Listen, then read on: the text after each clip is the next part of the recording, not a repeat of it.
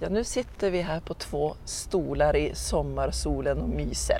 Riktig semesterkänsla. Ja, men än blir det inte semester. Nej, vi ska ju till Almedalen först. Ja, men du, hur viktigt är Almedalen egentligen?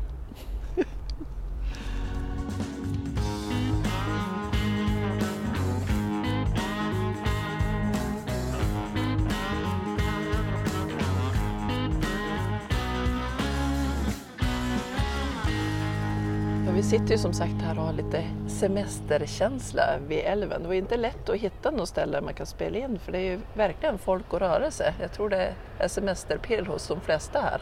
Ja, alla, alla ska ut bara för att det blir fint väder. Jag förstår inte det där. Som vi nämnde innan så ska vi ju snart till Almedalen och vi kommer ju ha ett eget seminarium där som vi kallar Ger Norrbotniabanan mest jämställdhet för pengarna? Av alla infrastruktursatsningar i norr skulle jag vilja lägga till. Ja precis, för det är ju de vi jämför oss mot. Eh, men varför egentligen den här kopplingen mellan infrastruktur och jämställdhet? Alltså har man bra jämställdhet så har man också en god tillväxt. Eh, vi mår allihop bättre med en god jämställdhet. Och, ja, alltså egentligen ska man vara eh, lite fräck där skulle man kunna säga att jämställdhet är detsamma som pengar. Mm. Det är hur viktigt som helst.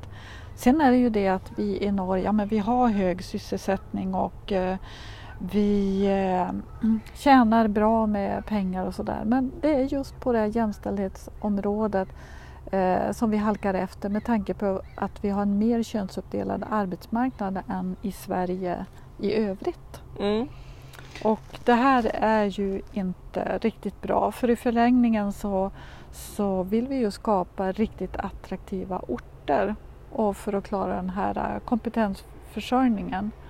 Och eh, då blir det viktigt med jämställdhet. Mm. Och så som vi brukar säga att, att eh, Norrbotniabanan och järnvägen i sig är ju bara ett verktyg som skapar de här möjligheterna Ja. för oss människor som kommer att bo runt omkring den så att säga i regionen. Mm. Men under det här seminariet så kommer vi då bjuda in en panel som kommer att sitta och diskutera de här frågorna. Och själva seminariet ska ju utgå från det femte globala målet som FN har just kring jämställdhet. Ja. Eh, men även tre av regeringens delmål för jämställdhet. Får jag höra, vilka var det? Eh, då är det ju dels en jämn fördelning av makt och inflytande, Mm. ekonomisk jämställdhet och jämställd utbildning.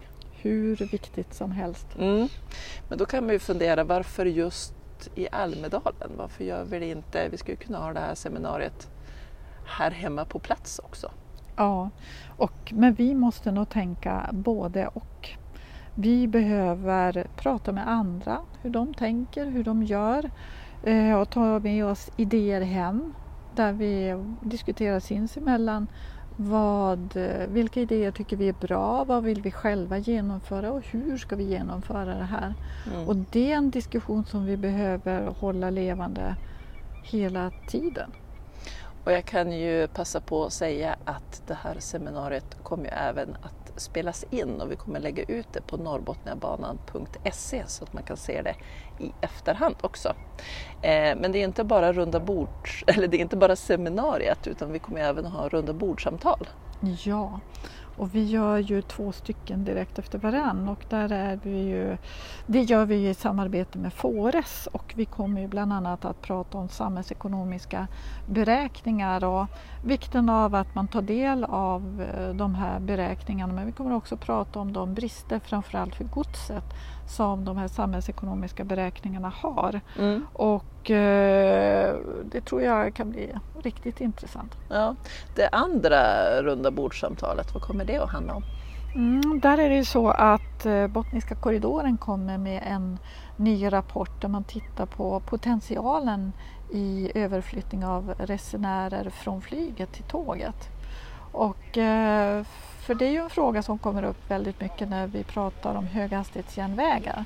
Men hur ser det ut i kuststråket? Mm. Så det blir minst lika intressant. Eh, och detta år i Almedalen är det ju inte valår som det var i fjol. I fjol var ju alla på plats, verkligen. Ja. Men det var ju också väldigt brusigt just på grund av det.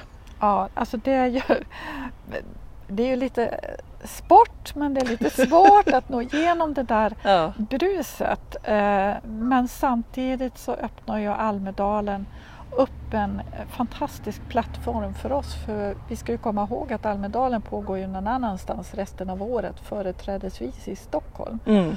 Och, eh, men nu så samlas väldigt många i alla fall i år på en och samma yta vilket gör att eh, vad ska vi säga, ja, men möjligheterna för att bjuda in folk till våra egna arrangemang och, eh, men också för nätverkande är ju fantastiskt stora för oss och viktiga. ja. och just att, att kunna träffa de personer som man behöver träffa för att eh, Ja, och jag, vi har ju erfarenheten av att vänta sex månader på besked om vi kan få träffa en eh, statssekreterare Mm. eller en generaldirektör och eh, inte kommit till skott när innan Almedalen och sen på Almedalen säger det bara swish och så har vi både filmat och, och diskuterat och träffat de här personerna. mm. Så att eh, det kan vara som en ketchup-effekt i Almedalen.